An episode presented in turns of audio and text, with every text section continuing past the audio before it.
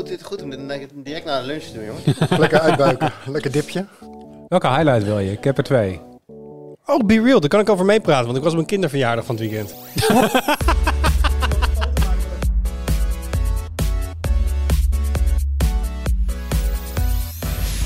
Hoi, leuk dat je luistert. Welkom bij een nieuwe aflevering van de Tweakers Podcast. Mijn naam is Wout en ik zit vandaag in de podcast met Erik van Ballengooien, Hallo. met Jurgen Ubachs Hallo. en met Arnaud Wokken. Hoi. En we gaan het hebben over voetbal, Nice. Eindelijk. maar niet zoals Jur denkt. Oh, Want we gaan, waar kijk je het voetbal op?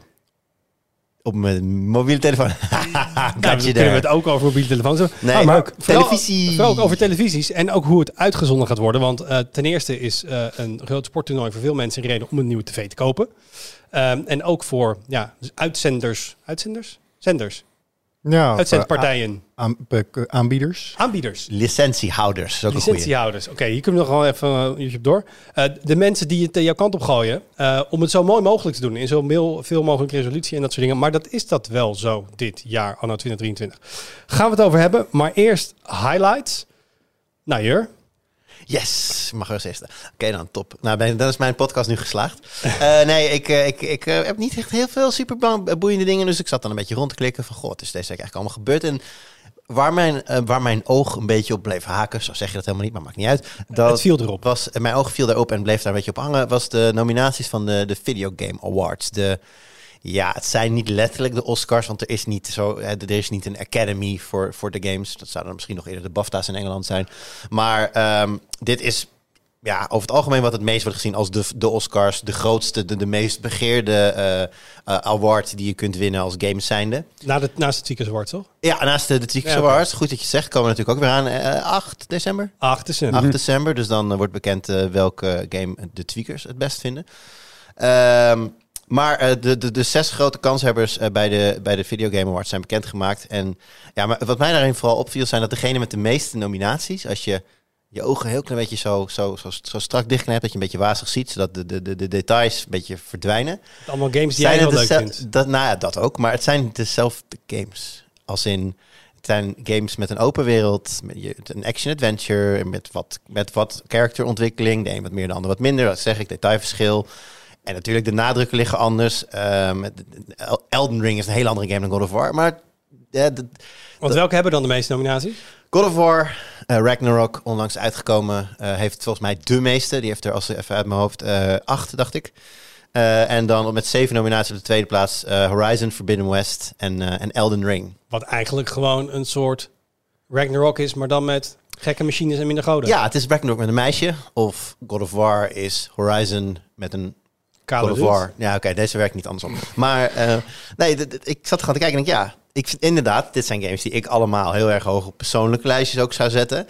Wat komt omdat dit in principe mijn favoriete genre is. Gewoon The Witcher heb ik nog steeds. Nou, ik weet niet of dat all-time best is, maar zal nog steeds in mijn persoonlijke top 3 zijn. Ook net zo'n game. En dan denk ik van Eh, ja, Even tussendoor. Er komt toch een remaster van The Witcher aan? ja Die ga je weer eh, helemaal spe- 14 december komt de eh, Next Gen update Die uit. ga je helemaal van het begin weer spelen? Ehm, dat denk ik niet. Ik wil hem wel. Ehm, als de tijd het toelaat, gaan we natuurlijk wel even kijken hier of eh, Hoe het- hoe, hoe- hoe, hoe, mooi het is. Hoe en wat? Ja, oké. Nee, maar dat is, hè, dan heb je het dan over de meest vooraanstaande, eh vooraanstaande eh videogame awards. Ja, en dat dan, dat dan drie van, van zulke vergelijkbare games de meeste nominaties in de wacht slepen. Denk ik, wat is er nog meer dan? Want dat is toch best wel. Dat, dat, dat viel me gewoon. Ik weet niet of het raar is. Want misschien- het zijn natuurlijk ook de. Nou, Elden Ring net wat minder. Maar zeker Horizon en God of War horen bij de duurdere games. Dat je, hè, de grotere producties. is ook niet zo raar dat we die daar terugzien. Maar ja, dan denk ik wel. Kloppen de VGA's nog wel als je zo. Als de scope zo small lijkt te zijn. Want zijn bijvoorbeeld ook hele goede sportgames uitgekomen. Maar die zijn bij voorbaat kansloos. Ik zit heel iets anders te denken. Elden Ring is wel multiplatform? Eh, ja, ja, die andere twee inderdaad. Het, verder is het een, eh, een Sony, eh, Sony feestje. Want eh, God of War en Horizon zijn in ieder geval voor dit moment exclusive. PlayStation only. Dus ehm, Die ja. komen dan naar de, naar de PC, maar niet. Ik bedoel, er is geen. Zitten er Xbox exclusives hoog in de nominatielijst? Eh, volgens mij niet. Ik, eh, ja, ik, ik had dus net de nominaties voor me. Die ben ik momenteel kwijt. Dat is een beetje vervelend. Maar Maar wie nomineert hier? eh VGA zelf. Oké. Wie zijn dat? Eh, dat zijn eh, volgens mij een eh, groep vooraanstaande. dus volgens mij zitten daar ook gamejournalisten in. En gewoon de organisatie. Zit van- jij bij de VGA's? Nee, ik zit. wacht, ik zie hier is de voting jury. Nou ja, dat is een hele lange tekst over fuck and rules. Maar over, eh, over, over 100, dus meer dan 100 leading media en influencer outlets across the globe. Ook niet eens een US feestje. Ik zit daar niet bij, dus het is niet serieus te nemen. Maar nee, dus eh, ja, gewoon de, de, de eenkennigheid. En ook, het, dat is al opvallend titel erin, Stray. dat is een game die niemand aan deze tafel waarschijnlijk gespeeld heeft. Niet gespeeld, maar ik ken het wel. Ja. En ik, toen ik de, de trailer ervan zag, dacht ik, oh, ik vind het wel. Want ik weet niet of je het kennen. Ben je een Nee. katje? Ben je een poesje? Dus je bent gewoon een kat. Ja, En het is allemaal vanuit het perspectief van de kat. En je loopt rond in de wereld, eh, being all cat-like. En springen op dingen en op je pootjes terechtkomen. Ik weet niet precies wat het doel van de game is hier. Maar klinkt leuk.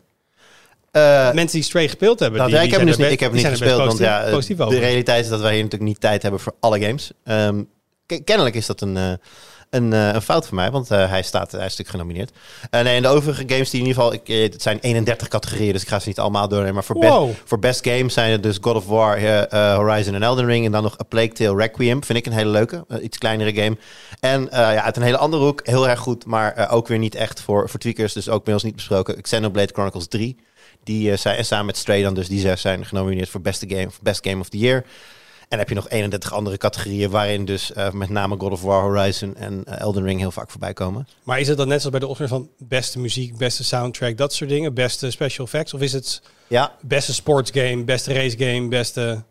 Is het, op, is het zeg maar genre-based of is het meer qua elementen die ze eruit vissen? beide, want je hebt 31 categorieën. Dus je hebt inderdaad best sim strategy, best sports racing, maar ook best VR, AR, best performance, games for impact, eh, noem het allemaal op, score en music.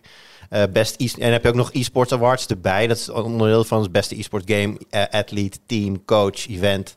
Dat zit er ook allemaal nog in. Best adaptation eh, van een boek naar een game of van een ding. You Dus- get an award, you get an award. Ja, ja, ja, inderdaad. Beste game die uitgebracht is op dinsdag, terwijl de volle maan is en de file stond op de A10. Weet je wel, dat, eh, dat, soort, dat soort dingen. Nee, heel breed, heel leuk. Maar goed, ik ook zeggen, de, de, de, er, is, de, er ontstaat een bepaalde eenkennigheid in, in de games die eh, heel erg veel nominaties krijgen. En ik, Maar dat is toch ook logisch en normaal? Ik bedoel, als je het even trekt naar niet-tech dingen. ja, waar, je- zijn de, waar zijn de shooters? Ja, maar eh, als, als, je, als je naar een top 2000 kijkt, dus weer die tijd van ja, binnenkort dat, dat, dat soort dingen verkozen worden. Ja, maar er stemmen alleen oude mensen op, dus daarom staat de oude muziek in. ja, precies. Maar dan zie je ook een bepaalde eenkennigheid ontstaan, wat een soort van gemeenschappelijke deler van cultuur is of Ja, zo. maar dat is een publieke stemming. Terwijl hier, je zou van media professionals Vakjury. mogen Ja. verwachten dat ze een bredere scope hebben dan alleen maar de allergrootste games van het jaar. En nou, wat ik zeg, Xenoblade, dat is wel, eh, nou, dat vind ik leuk dat die erin staat, omdat het is niet een game die je daar snel zou verwachten. Stray evenmin.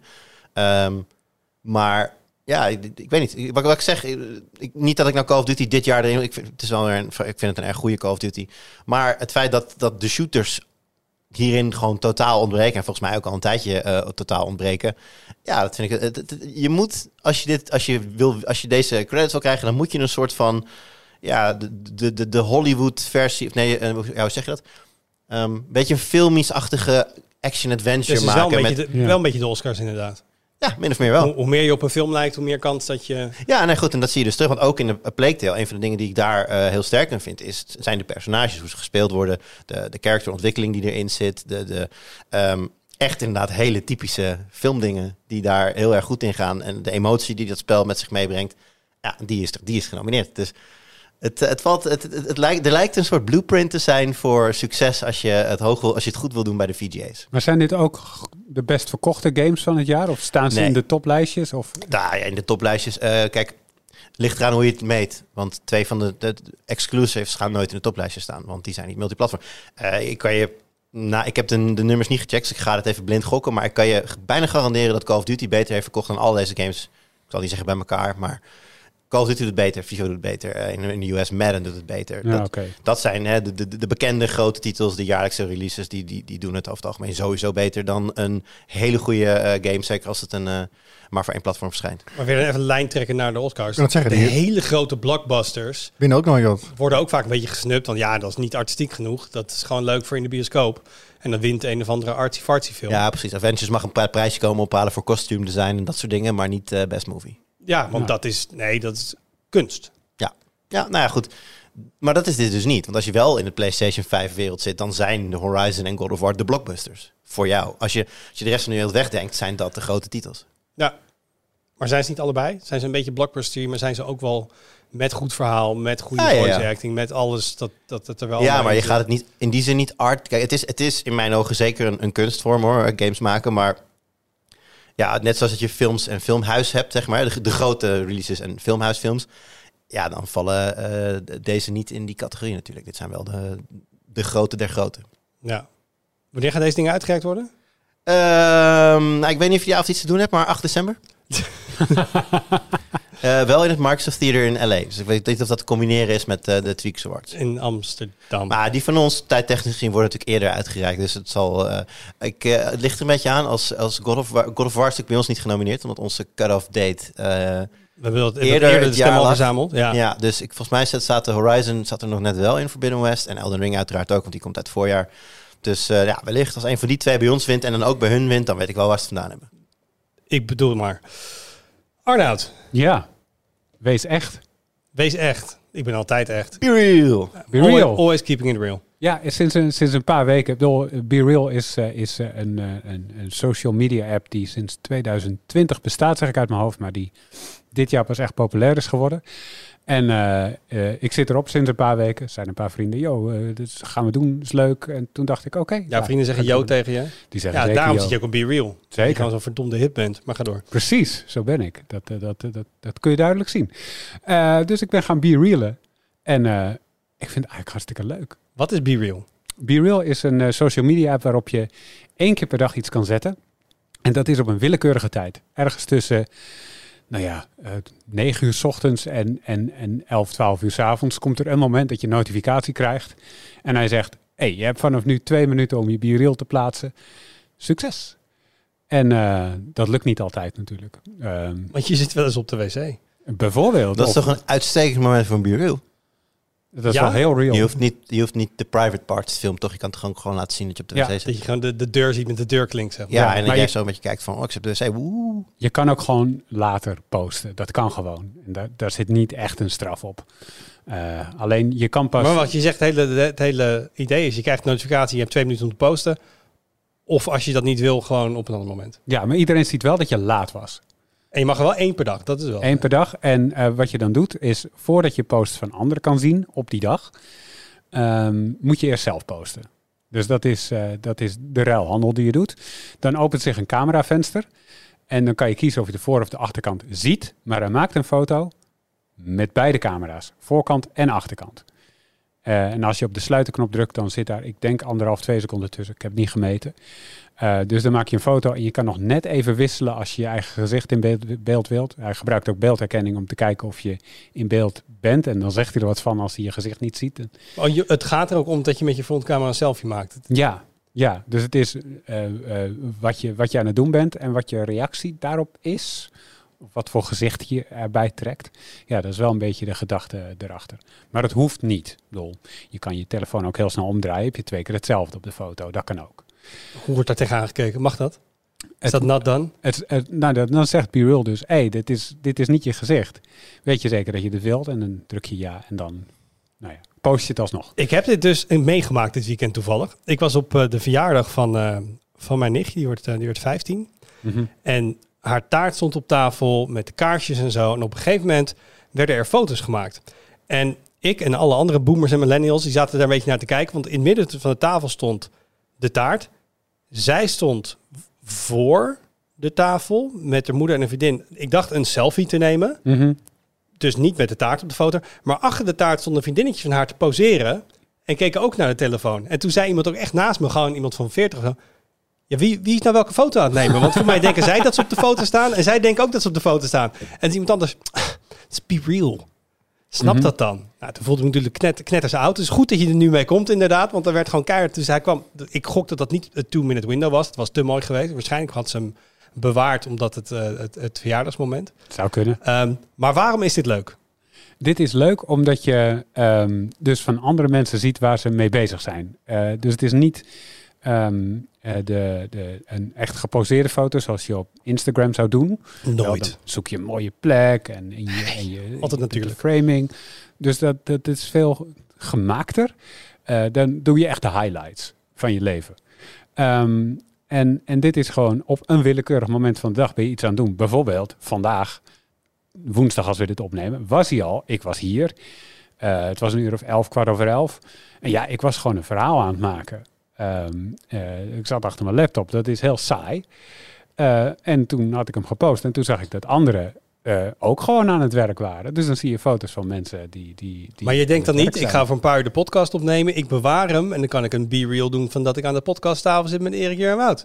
Dat had ik eigenlijk moeten doen.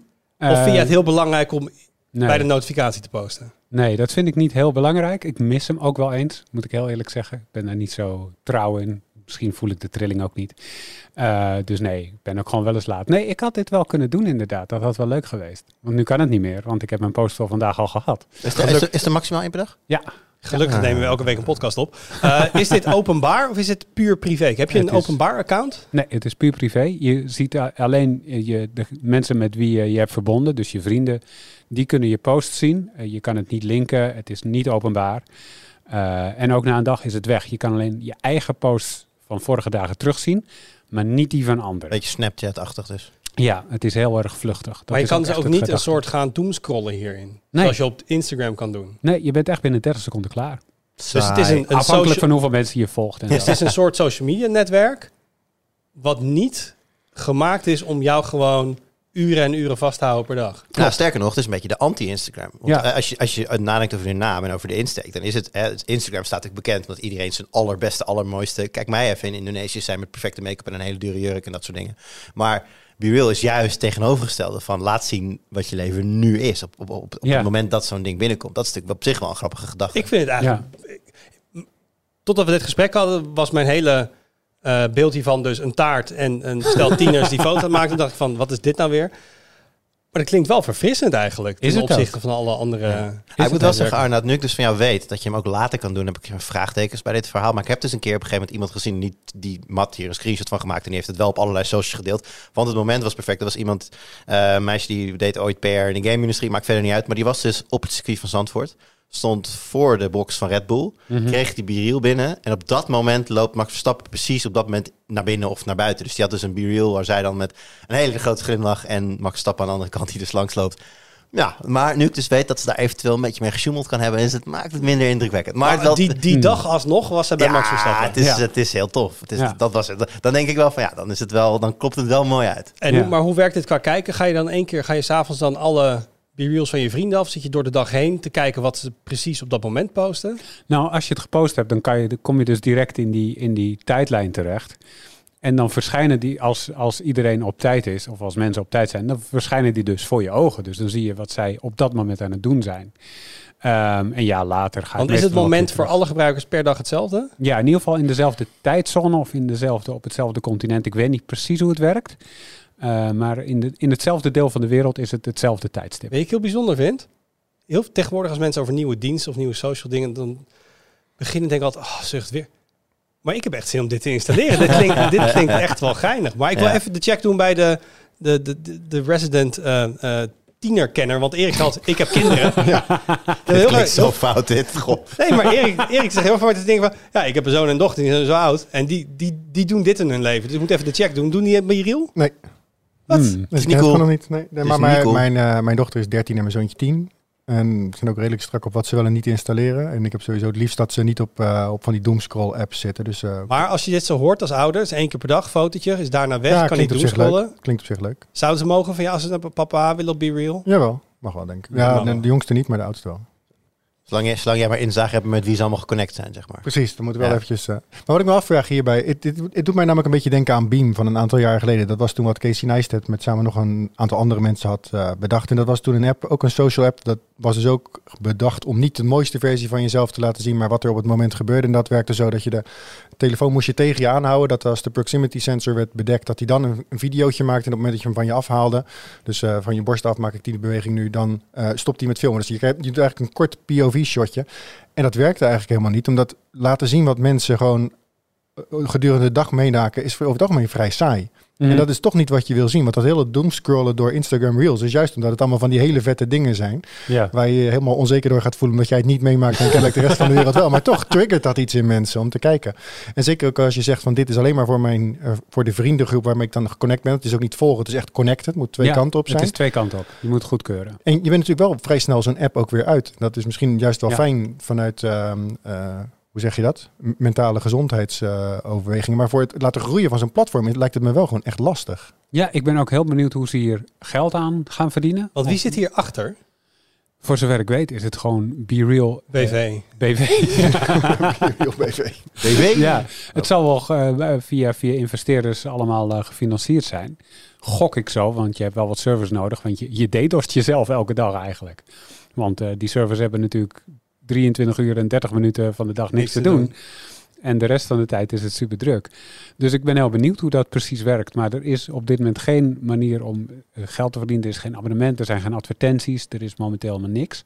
Sowieso is het een hele kale app. Want je hebt die foto's en dan kan je reacties plaatsen. Dat zijn dan real emojis.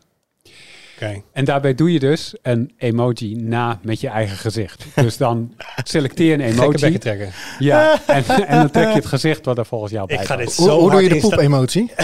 die poep-emoji, hoe doe je die?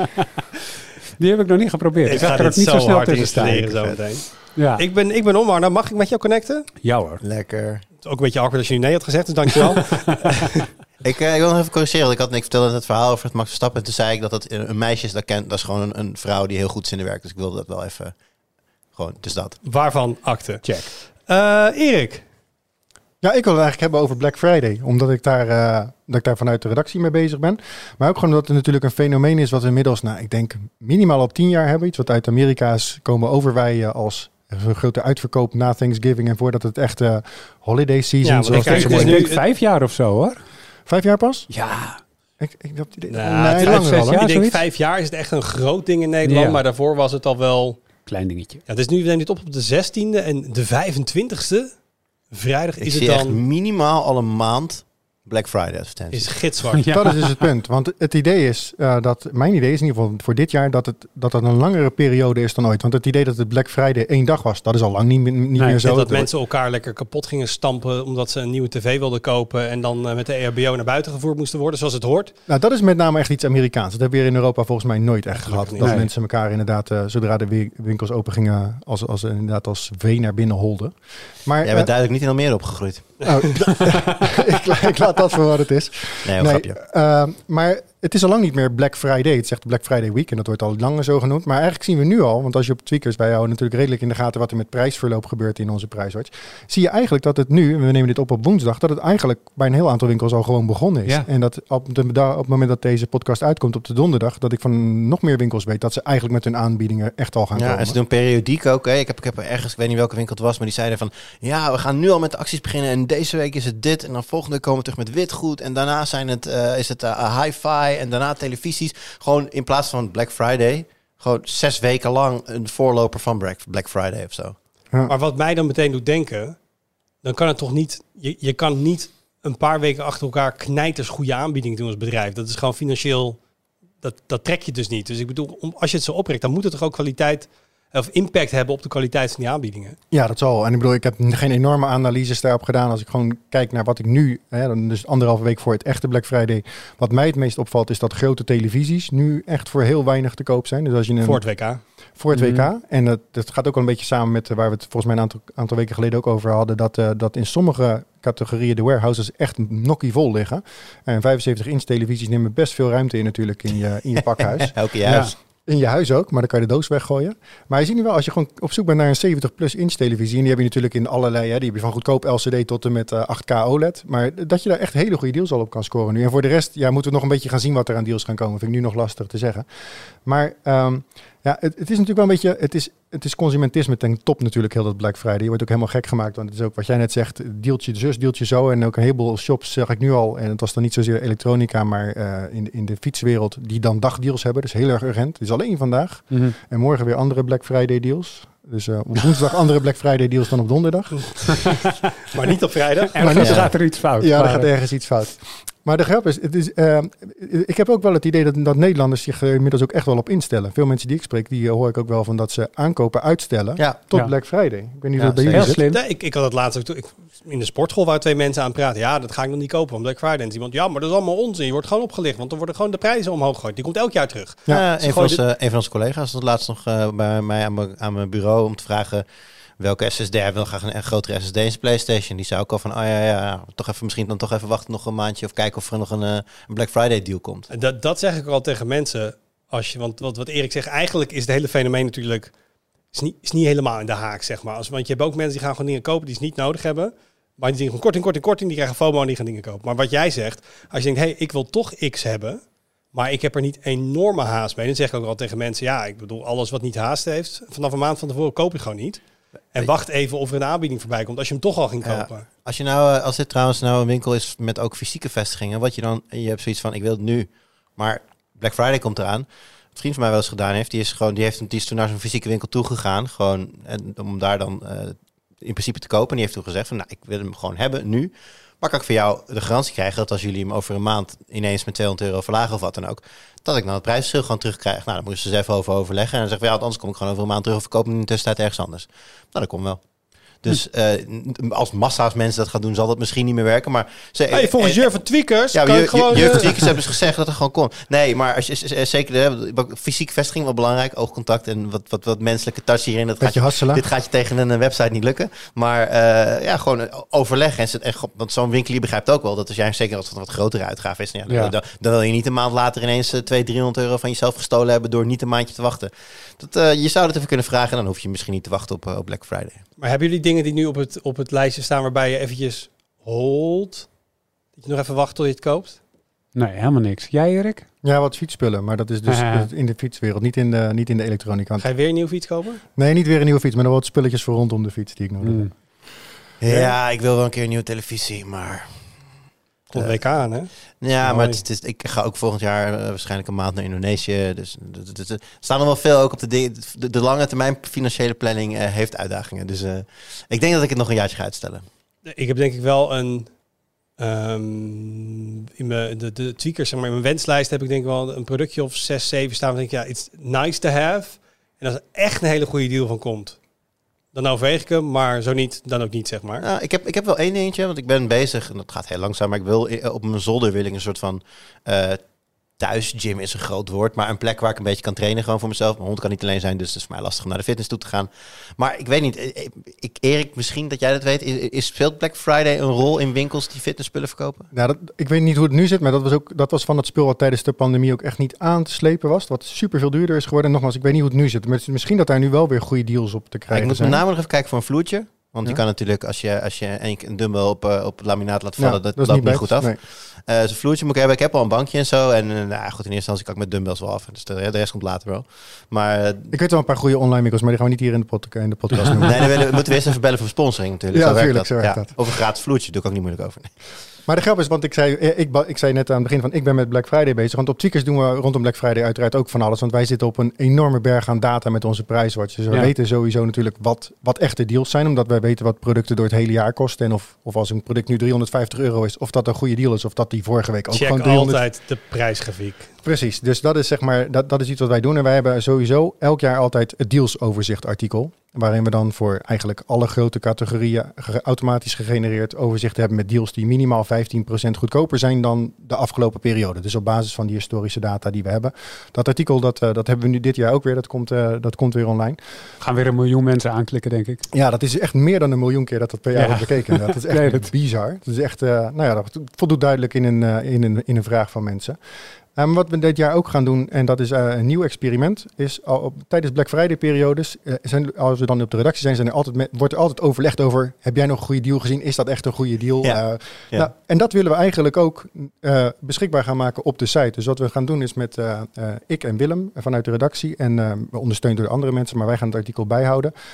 In combinatie met wat er op- in de, op de forum thread op Tweakers dus gebeurt, gaan wij bijhouden wat wij zelf echt de hele goede deals van, van de week vinden. En dus ook uitleggen waarom we dit een goede deal vinden. Dus als we voor onszelf niet kunnen uitleggen waarom het een goede deal is, mag het ook gewoon niet in die lijst komen, hebben we voor onszelf gezegd. Eh, het is ook niet commercieel ingegeven, ook als het producten zijn die niet in de prijswoord staan of waar we geen enkele commerciële link mee hebben, gaan ze er gewoon in, zonder affiliate links en zo. Dus het wordt echt gewoon wat wij vinden. Onze redactionele of onze eh liefhebberspet, noem het zoals je wil, in combinatie met wat de community, de community ervan vindt. Eh, dus dat gaan we ook doen komende week om een, eh, ja, een soort shortlist te maken van dit vinden wij echt hele toffe dingen die, eh, als je er naar op zoek bent uiteraard, om die, om die dan te kopen. Ik zal eraan denken als ik dingen voorbij zie komen om ze jouw kant op te schuiven. Ja, en voor de rest, want dat is wel zo, wordt dus mogelijk wel zo'n artikel wat je een beetje impuls aankopen laat doen. Voor de rest is denk ik, als je, daar, als je niet in die valkuil wil vallen, is het denk ik wel hele goede om prijsalerts gewoon aan te maken in de prijs. Dus als je een product wil hebben, maak er een prijsalert voor aan. Want als het voor zoveel euro te kopen is, dan koop ik het. En dan hoef je dus ook niet continu gek te laten maken tijdens die Black Friday week, maar krijg je gewoon netjes een notificatie. Ja. de F5'en. Precies, want daar, eh, dat levert ook weer eh, FOMO en andere stress op. Nou, ik vind dat wel leuk. Ik, ik kan er wel doorheen scrollen zonder dat ik meteen eh, naar mijn naar mijn ideal grijp of zo. Maar ik vind dat wel ook gewoon, ja, is een beetje, weet je, de markttrends en wat, wat je zegt, dat opeens 77 inch OLED's quote-unquote betaalbaar worden. Ja, vind ik best wel interessant. te zien niet dat ik opeens 77 inch OLED ga kopen, ben niet gek.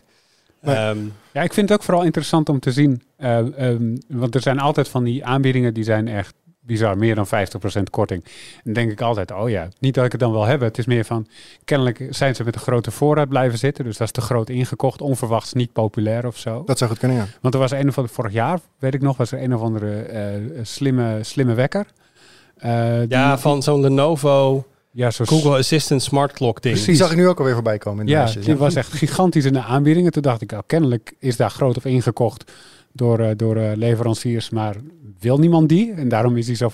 Zeg maar, dat soort dingen leid ik er dan uit af. Dat, dat vind ik in die zin ook Ja. wel leuk. Om, Ja, als het meer dan de helft is, maar van die deals van 15, 25 procent, dat zijn vaak producten die gewoon wel of, in, of door, een, door een winkel of meestal in combinatie van een winkel en een fabrikant gewoon extra Ja. nog de markt in worden Precies. geduwd.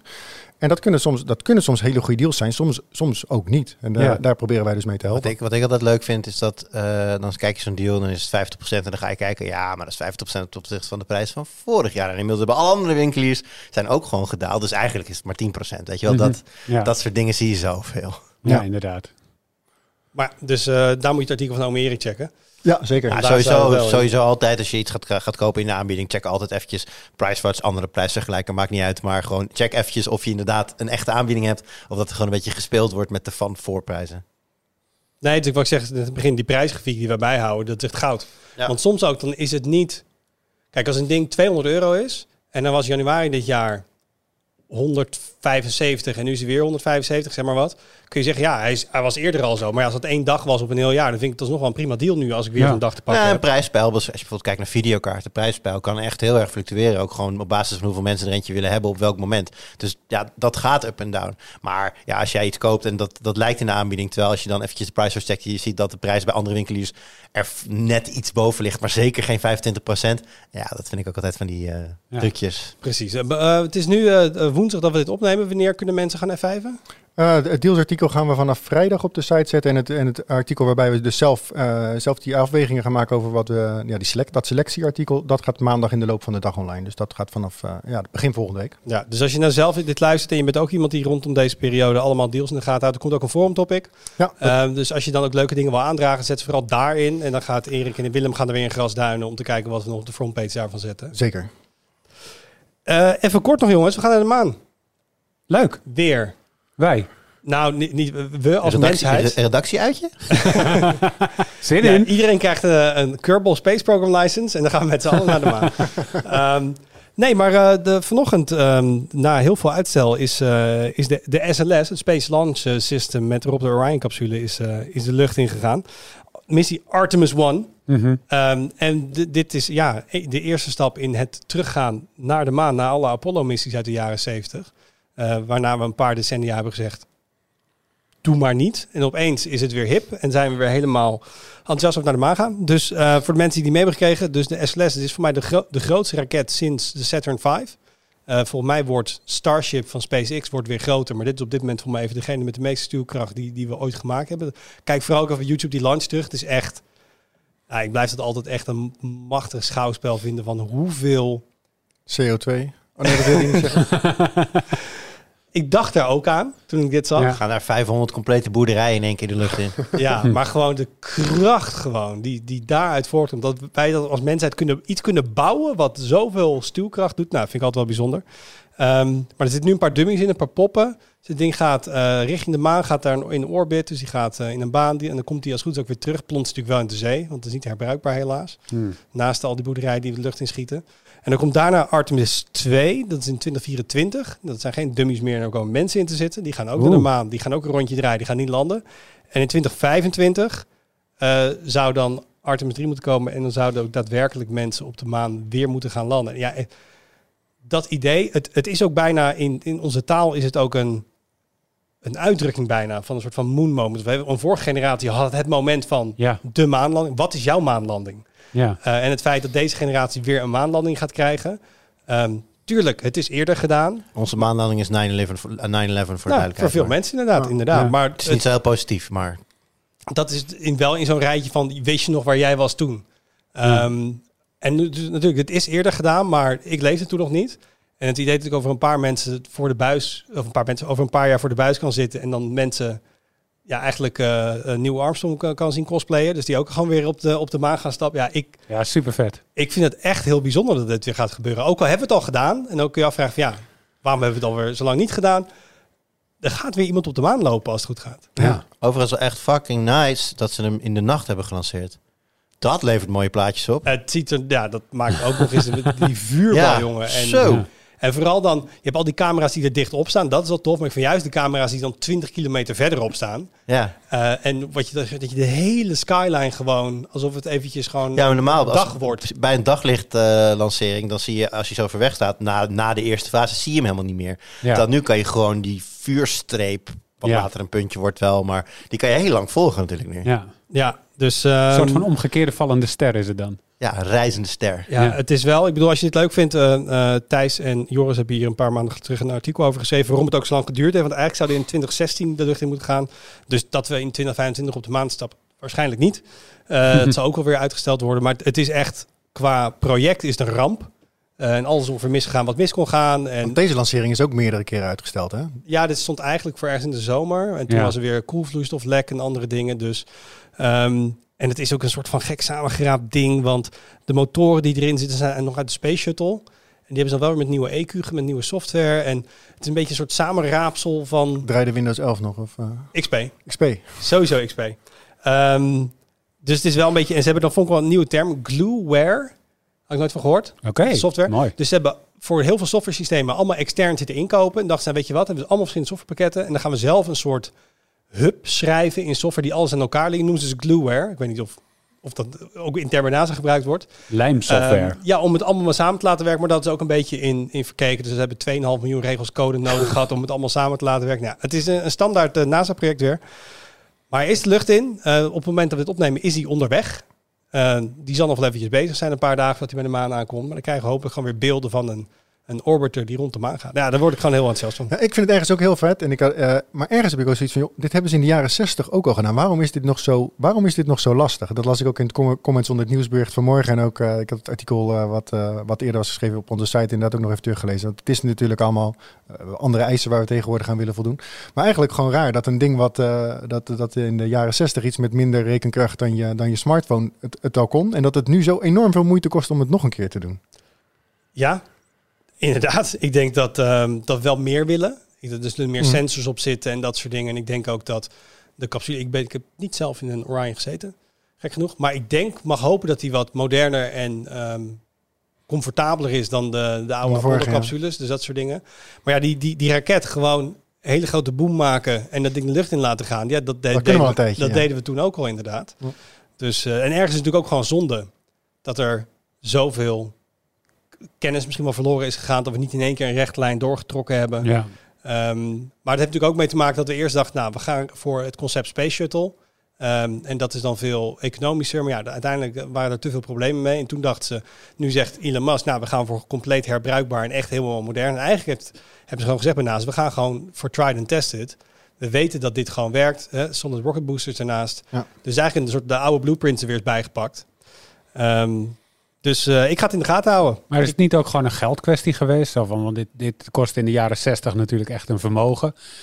En eh, ja, toen dat eenmaal was gelukt, toen, eh, toen en, en, en, en niet alles meezat in de jaren daarna, toen werd die, die, eh, die, die financiering werd een beetje minder. De En, Koude Oorlog maakte veel mogelijk. ja, precies. En, en om dat nu weer mogelijk te maken, ja, dan moet je die politiek natuurlijk wel een beetje masseren om te zorgen dat dat, dat, dat geld vrijkomt. Eh, Daar zal het ook in gelegen hebben, denk ik. Nee, maar toen, toen was geld geen probleem. Want Koude Oorlog, de Russen... Ja, vele malen meer geld is daar toen ingestoken. Maar wat ik bedoel, wat we toen hebben geleerd, en dat, is, dat zijn we niet kwijt. Nee, Dus waarom kost het nu zoveel extra moeite om het nog een keer te doen? Maar, maar dat is een enorme noep. eh, Ja, nee, ik snap, ik, snap de vraag wel. Van, ja, ik, vind het, ik vind het ook gewoon fascinerend dat in elke smartphone zit nu een, een wat we een zuinigere kern noemen, die gewoon meer rekenkracht heeft dan de computers waarmee je naar de maan gegaan is. En dat is toen ook gelukt. Ja, maar misschien wel op goed geluk, ja. Misschien niet dankzij alles wat we gedaan hebben, maar ondanks Ja, alles wat we gedaan maar als dat, als dat moment komt, eh, Wout, wil je er dan echt in 8K gaan bekijken? Ja, Ja, dat lijkt me ook. maar ik ben bang dat er geen 8K-camera meegaat naar, hmm, eh, toch jammer. naar, naar de ruimte. Misschien wel 4K. Eh, maar dank Arnoud. Eh, het WK. Normaal weten we altijd, mensen kopen bij grote sportevenementen, Erik, nieuwe televisies. Ehm, de, de grote eh, uitzendbedrijven gaan dan ehm, nou, ook alles uit de kast halen. Maar van wat ik zo links en rechts een beetje hoor, valt dat eigenlijk dit jaar met het WK tegen? Nou, ja en nee. Ik bedoel, het, eh, het WK wordt gewoon weer in 4K geproduceerd en in HDR. Dus eigenlijk gewoon de best mogelijke kwaliteit. Ik bedoel, 8K kunnen we het nog over hebben, maar de best mogelijke reguliere kwaliteit. En ook in Nederland kunnen we het, eh, als je tenminste klant bent bij in ieder geval Ziggo of KPN, kan je het in UHD HDR gaan bekijken. Dan denk je, oh tof, dat, dat is toch gewoon 4K HDR. Maar nee, dat is in dit geval niet 4K, maar het is 1080p met HDR. En dat mogen ze UAD noemen. Ja, en dat vind ik eigenlijk wel een beetje jammer. Ik want- vind dat smerig zelfs. Ja, We hebben nu eindelijk zo'n term, dat weet UHD is Ultra HD, dat is synoniem met 4K. En dan zeggen ze ja, maar als je HDR bij Full HD stopt, Maar dat is dus niet zo. Want je hebt UHD 4K, je hebt UHD 8K. En je hebt dus ook UHD zonder 4K. Want het, het mag dus wel. Volgens de normen van over... Ja, voor heb je sowieso... Er is geen politie die je komt beboeten als je dat fout zegt. Maar Niet. Eh, nee, kennelijk niet. Eh, UHD ehm, eh, mag dus ook 1080p zijn. Dat is wel het verschil met hoe de normaal wordt uitgezonden is in 1080i. Kunnen we het zo meteen nog over hebben wat het oh, verschil is. dus wel, we krijgen 1080 beeldlijnen. Ja, dat- 1080 progressive scan. Dus, eh, eh, en, en met HDR dus. Dus dat, moet er wel bij zitten. Dus 1080p zonder HDR is geen UHD. Volgens mij niet, maar eigenlijk sowieso in heel het nieuwe domein van, van alles wat hoger is dan, dan, dan standaard 1080i eigenlijk, wat nog steeds de uitzendnorm is voor, voor in Europa, is per definitie pro- progressive scan. En la- laten we dat gelijk maar even beetpakken dan, want bij 1080i, dus eigenlijk zoals Nederland 1 en eigenlijk alle zenders normaal uitzenden, heb je weliswaar 1080 beeldlijnen boven elkaar. Dus je hebt 1920 bij 1080, 50 fields per seconde, niet 50 Mhm. frames. Want hoe dat werkt is dat je om beurten de even en oneven beeldlijnen achter elkaar krijgt. Dus het, een, het ene 150ste van een seconde krijg je lijn 1, 3, 5, 7 en zo verder. En dan een 50ste seconde later krijg je 2, 4, 6. Nou, dat werkte vroeger op CRT-schermen, werkte dat heel goed, want die werden ook van boven naar beneden gescand. En dan als je dat achter elkaar deed, door het nagloeien, kreeg je die beelden, dat liep een beetje in elkaar over, had je gewoon mooi 50 beelden achter elkaar.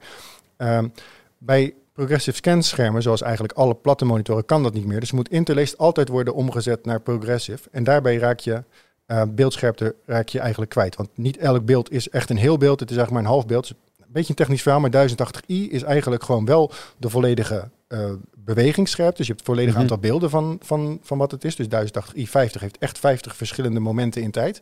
Alleen niet op alle 50 eh, die momenten de volledige resolutie.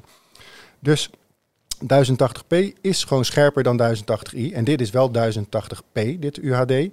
Terwijl eigenlijk al het andere, wat waar normaal Nederland 1 in uitzendt, is 1080i. Dus wat dat betreft, je hebt wel hogere beeldscherpte En HDR. en HDR. En dat kan wel echt een groot voordeel zijn. Dus het is wel beter, maar het is niet 4K. En waarom dan niet? Is dat, is dat bandbreedte? Is dat, want het wordt wel Nou, op die manier gefilmd, dus het, het bronmateriaal is er al. Ik weet het niet. Het is een keuze. Het is trouwens niet een keuze van KPN of van Ziggo. Dit is een keuze van, eh, van de NPO. Dus Nederland, eh, Nederland 1 in dit geval. Die, die bieden gewoon dit signaal zo aan. En, en dus de distributeurs, dus de, de, de, de, de, leveranciers, de providers, die kunnen dat al dan niet oppikken. En in ieder geval Ziggo en KPN doen dat en maken dus een speciaal eh, Nederland 1 UHD-kanaal. Eh, dat zit dus niet op voorkeuze 1, maar dat zit ergens bij 600 zoveel volgens mij, afhankelijk van welke provider je zit. En daar krijg je dan dus dat 1080p HDR-signaal. Maar voor mijn kanaal digitaal heeft alweer gezegd van ja, we gaan dit niet voeren. Want Nee, je hoeft wil- het niet te doen. Wij willen gewoon echt 4K-kanalen. En dit vinden we eigenlijk een beetje ja, jammer. Maar als je Ziggo of KPN hebt, kun je dit wel kijken. Ja. Je moet wel uiteraard een box hebben die daarvoor geschikt is.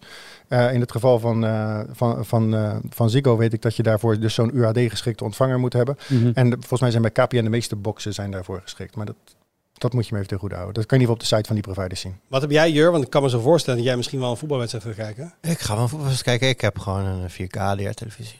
Nee, maar de provider bij jou Oh is- ja, nee, geen van, geen van die twee. Dus mijn, mijn is gewoon heel eerlijk, eh T-Mobile. En die zeggen gewoon van, nee, ons, ons signaal is crap. Nee, dat zeggen ze niet. Maar eh, ze, zeggen, ze, ze zeggen ook niet van wij gaan wel dikke toetsen en bellen en dingen. Nou ja, goed. Zij hebben zich in de markt gezet als, een, als een, natuurlijk een beetje een prijsvechter. Met, met hun, eh, met hun hele goede deals als je gecombineerd internet, televisie en een mobiel abonnement neemt. En dat heeft ook nadelen.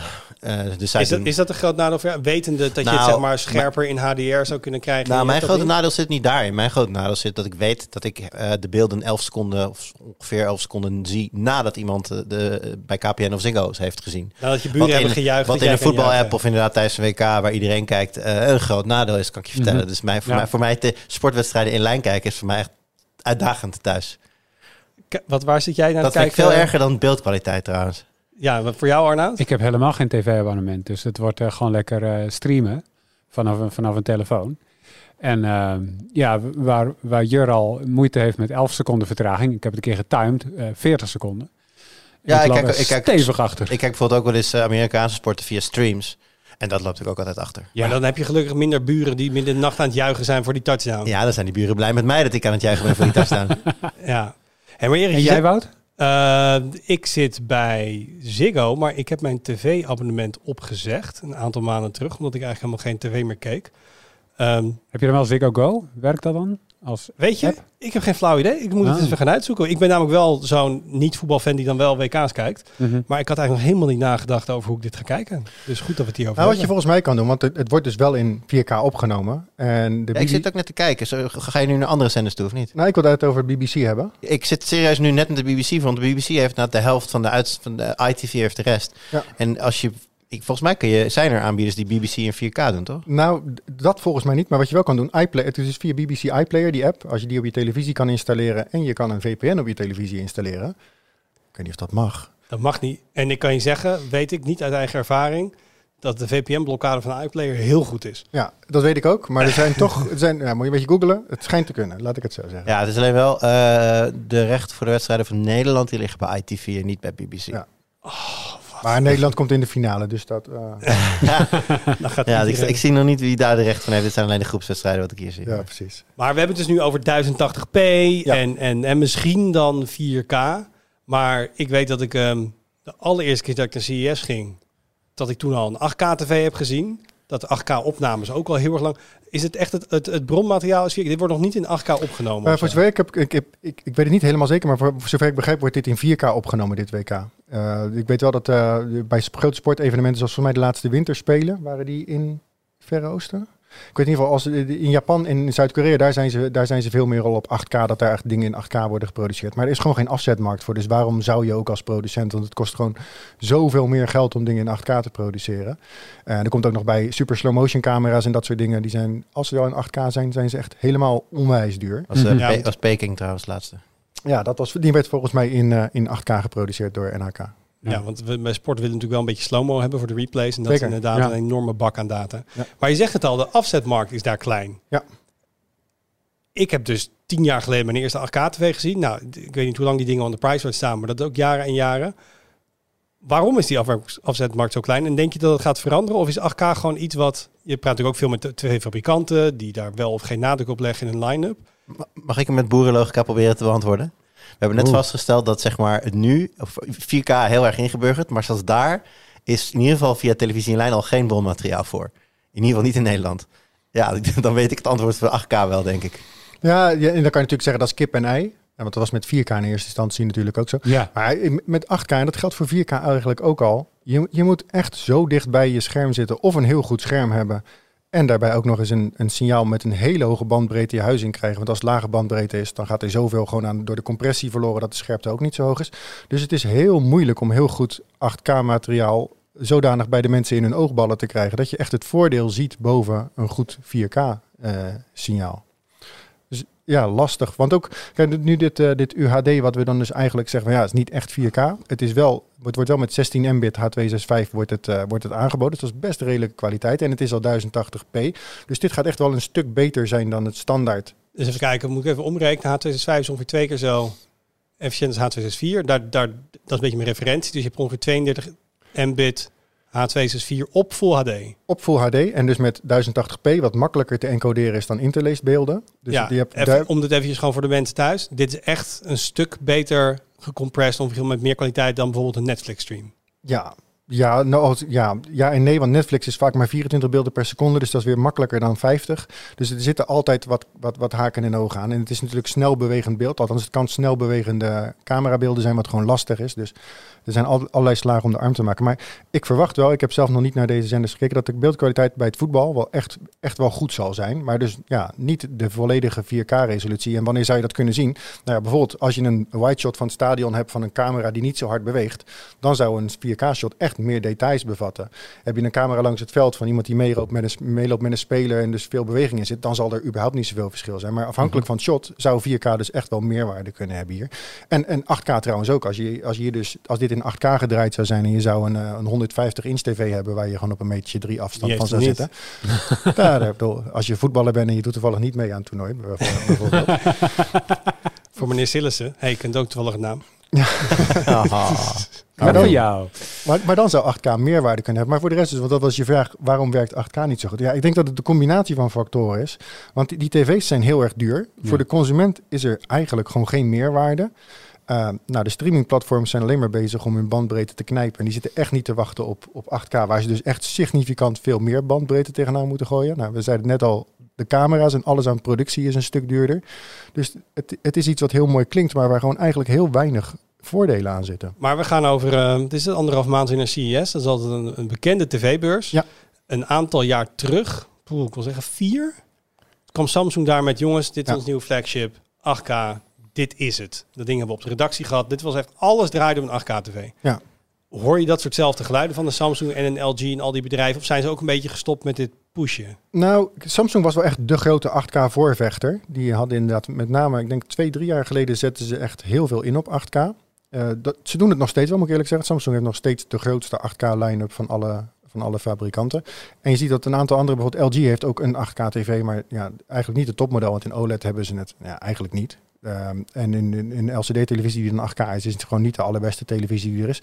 Samsung doet het ook wel echt zo dat hun 8K-tv heeft ook qua processing en zo meer aan boord dan een beste 4K-tv. Dus het is ook wel echt de beste tv bij hun. Maar ik heb wel het idee dat ze daar een klein beetje op terugkomen, omdat die dingen, ja, ze verkopen dus eigenlijk gewoon ja, heel, heel matig, laten we het zo maar zeggen. En een aantal andere fabrikanten, de, de, de wat kleinere, de Philips, want dat is in Nederland nog steeds wel een groot merk, maar internationaal gewoon niet zo heel erg. Die doet het gewoon niet. Hetzelfde voor Panasonic, doen gewoon geen 8K, omdat ze zeggen, ja, er is gewoon geen markt voor. Ja, maar als ik het zo hoor, dan verwachten we eigenlijk ook niet dat die markt er komt. Want op een gegeven moment, als tv steeds goedkoper wordt, snap ik dat mensen thuis nog zeggen, nou, ik ga van een 32 inch naar een 40, want dat is wel te betalen. Of misschien Ja. nog naar een 50. Maar een 150 inch tv in je huis, of 100 inch, op een gegeven moment is het ook gewoon voor thuisgebruik Mooi te geweest. groot. Ja. Nou, de- vraag is wel, waar, waar ligt die grens? Want ik dacht, jarenlang werd ook voor over Europa gezegd van, wij willen niet zulke grote televisies als in de VS. En in de VS hadden ze vroeger van die rear projectietelevisies. En toen zaten wij hier met 27 inch, wat we groot vonden. Inmiddels zie je ook gewoon dat in, in, in ons deel van Europa, in ieder geval 55 inch, is het meest verkochte formaat. Ja. En 65 en, en, en net in de 70 zijn in procentueel gezien de meest groeiende formaten. Dus daar, daar kom, zit kom maar door hoor met die 65, je krijgt hem al passend. ja, nou, het, is, het, het punt is niet zozeer met die platte tv's of je hem passend krijgt natuurlijk. Maar meer of je dat, dat, dat zwarte gat, eh, de, de 20 uur van de dag dat die uitstaat, of je dat in je woonkamer fijn vindt. En daar, ja, daar denken gewoon verschillende mensen heel anders over. Maar daar hebben we in de toekomst oprolbare OLED's voor. Ja, en we hebben dingen als de frame van Samsung, maar dan zit je weer met energieverbruik. En dat is ook nog wel een puntje. Eh, De Joris had er van de week een artikel over geschreven over het eh, eh, mogelijke aanstaande verbod zelfs op 8K televisies. En dan niet zozeer een verbod op 8K, maar meer een verbod op televisies die heel veel energie verbruiken. Omdat de energielabels in Europa verder aangescherpt gaan worden. Ja, en 8K televisies verbruiken gewoon meer energie om dezelfde helderheid te produceren als een 4K televisie. Dus dat maakt het ook in potentie nog erg lastig om, hier, om hiermee door te gaan.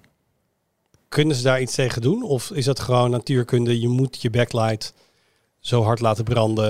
Ja, op een gegeven moment wel. Kijk, het, het punt is, je hebt, bij LCD-televisies heb je een backlight en die schijnen door een paneel heen en er zitten transistors in. En eigenlijk komt het erop neer, hoe meer pixels je hebt, hoe meer transistors, hoe meer rommel er zeg maar voor het licht, voor de lichtbak zit. Dus hoe Ja. meer er eigenlijk licht wordt tegengehouden. Bij eh, eenzelfde grootte van het scherm zijn de pixels, dus dat daadwerkelijk lichtdoorlatende deel bij een 4K-televisie zijn gewoon groter dan wat er aan lichtdoorlatend deel is bij een 8K-tv. Dus er moet gewoon een, moet gewoon een hardere lichtbak achter. Althans een lichtbak die harder straalt erachter. Dus ja, daar, daar doe je niks aan. Je kan natuurlijk wel proberen die panels op zich efficiënter te maken. Dat je die, die apertures kleiner maakt. Dus dat die, eh, die, die niet licht doorlatende delen kleiner worden. Maar daar zit wel een grens aan. En, is dat kost vast. Kost, kosten, ja. Heel veel geld om te maken, Ja. terwijl niemand die dingen wil kopen. Ja, je kan toch ook de kleuren, kleurenfilters weghalen? Dat zou kunnen. Want dat is natuurlijk ook wat met QD OLED is gedaan. Dan heb je eigenlijk quantum dots eh, in plaats van, eh, van kleurfilters. Ehm, bij LCD is dat niet zomaar mogelijk. eh, want je zou ook met individuele eh, quantum dots gaan kunnen gaan werken op een LCD-scherm. Dat klinkt mij echt heel erg duur en totaal niet eh rendabel. En een 8K QD OLED klinkt ook niet goedkoop. Nee, er is nu één fabriek die QD OLEDs maakt en die, heeft al, die zit al aan zijn capaciteit met de schermen die ze nu maken. En dat zijn 55 en 65 inch 4K's. Laat staan als je hele grote 8K's wil Ja. gaan maken. Dus Zou nee. het gewoon kunnen zijn dat, je gewoon, dat het gewoon stopt bij 4K? Dat gewoon eigenlijk gewoon de, de omstandigheden zo zijn en de praktische bezwaren dat Ja, maar we het is, ook, gewoon het, de is, grens hebben gevonden. het is ook een beetje, wat is op een gegeven moment het doel? Het doel is, we willen zo scherp mogelijk beeld. Waarom willen we dat? Nou, we- we kijken met onze ogen de echte wereld in en we willen graag dat onze televisie daar zo dicht mogelijk bij in de buurt komt.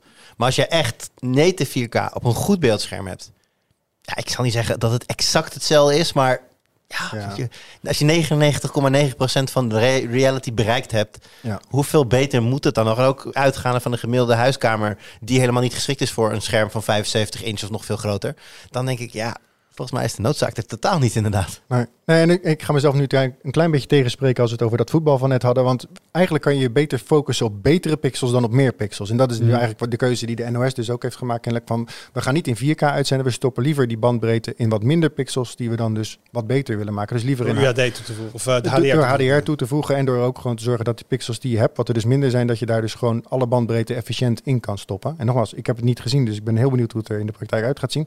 Maar hetzelfde geldt ook gewoon voor beeldschermen. Je kan beter gewoon het scherm echt beter maken. Dus hoger contrast, hoger dynamisch bereik, dan dat je nog meer pixels gaat toevoegen. Wat mij betreft althans. Want Ja. ja, je moet er gewoon een, herhaling van zetten. Maar je moet zo dichtbij zitten om het te kunnen zien. En dus een, een stream hebben die al niet gecomprimeerd is. Want anders dan is sowieso al een deel van je scherpte het raam uit.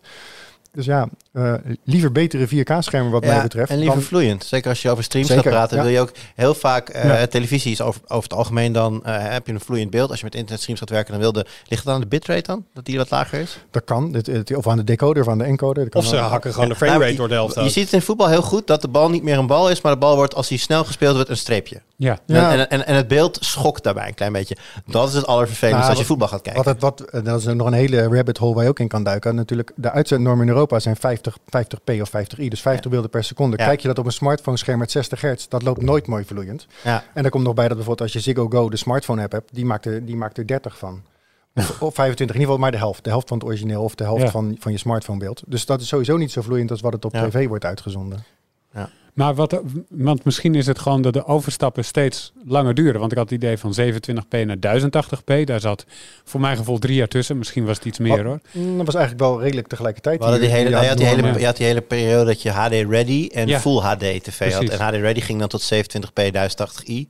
En Maar- Full HD was dan 1080p. Maar qua Ja. uitzendnorm is tegelijk geïntroduceerd. Want Ja. in, eh, de- de- in Europa kon je toen kiezen als uitzender voor 1080i of 27p. Waarbij de Belgen toen kozen voor 27p. Ik weet niet of ze dat nog steeds doen, maar die kozen in eerste instantie voor 70 27p.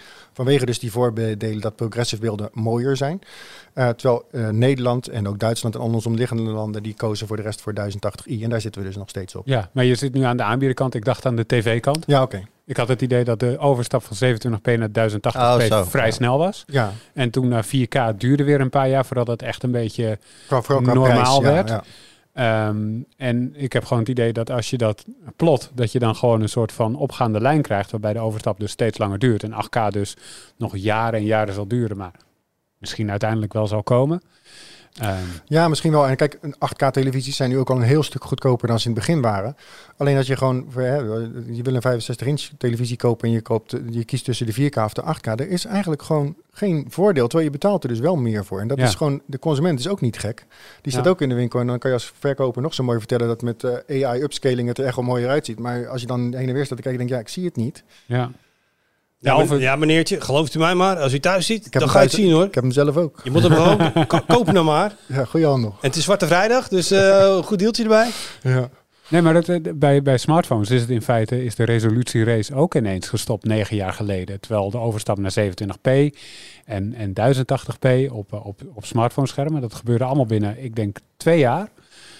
Ehm, en Nou, je, hebt een vervolgens paar, nu... je hebt Sony die dan af en toe met een, met een 4K-telefoon komt. Ja, maar voor de rest dat is, de het enige. eigenlijk gewoon ook op 6,5 inch telefoons. Gewoon 1080p of 1440p.